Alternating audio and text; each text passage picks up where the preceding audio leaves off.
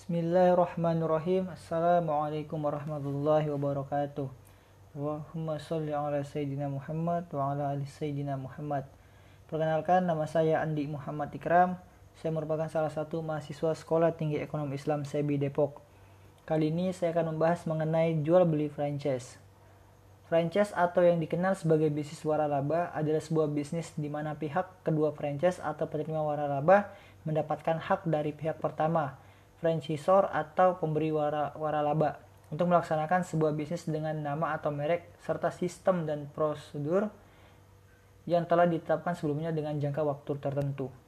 Kriteria waralaba A. Memiliki ciri khas usaha B. Terbukti sudah memberikan keuntungan C. Memiliki standar atas pelayanan dan barang atau jasa yang ditawarkan yang dibuat secara tertulis.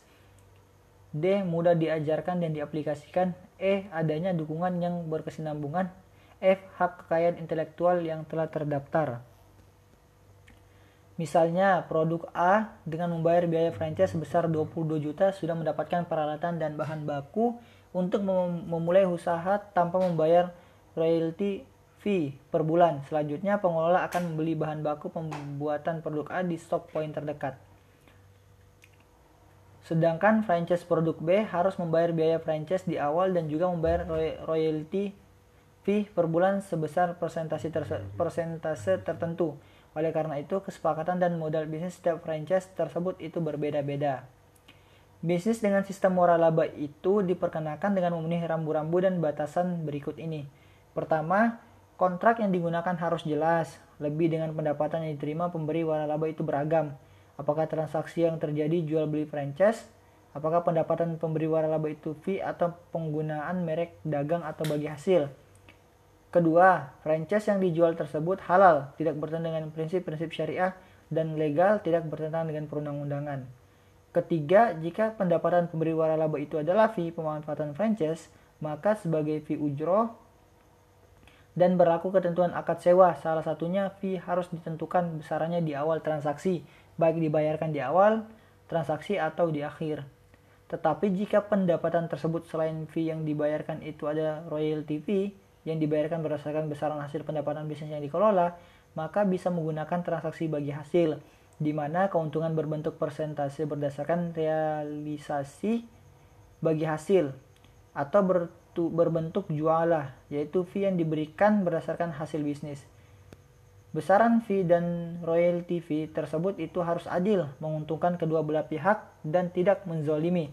Oleh karena itu, sebaiknya diatur oleh regulasi agar adil bagi kedua belah pihak. Hal ini sebagaimana landasan berikut. Pertama, pendapat ulama, solab dan kholab. Mayoritas ulama mazhab Maliki, Syafi'i, dan Hambali berpendapat bahwa hak cipta atas ciptaan yang orisinil dan manfaat adalah harta berharga sebagaimana benda jika boleh dimanfaatkan secara syar'ah. Kedua, keputusan standar syariah AOIV nomor 42 tentang hak-hak finansial telah mengkategorikan hak intelektual sebagai hak yang bernilai yang boleh dimiliki dan dipindah kepemilikan. Dan keputusan lembaga fikih OKI nomor 43 tentang al-uquq al-uquq al-ma'nawiyah nama dagang dan alamat dan mereknya, serta hasil ciptaan dan hasil kreasi mempunyai nilai ekonomis yang diakui oleh sebagai kekayaan dan bisa ditransaksikan dengan jumlah uang dengan syarat, syarat terhindar dari berbagai ketidakpastian dan tipuan. Serta fatwa MUI, HKI, salah satu hak kekayaan yang mendapatkan perlindungan hukum sebagaimana kekayaan selama tidak bertentangan dengan hukum Islam. HKI dapat dijadikan objek akad, baik akad komersial maupun akad non-komersial. Mungkin cukup sekian dari penjelasan saya, kurang lebihnya mohon dimaafkan. Assalamualaikum warahmatullahi wabarakatuh.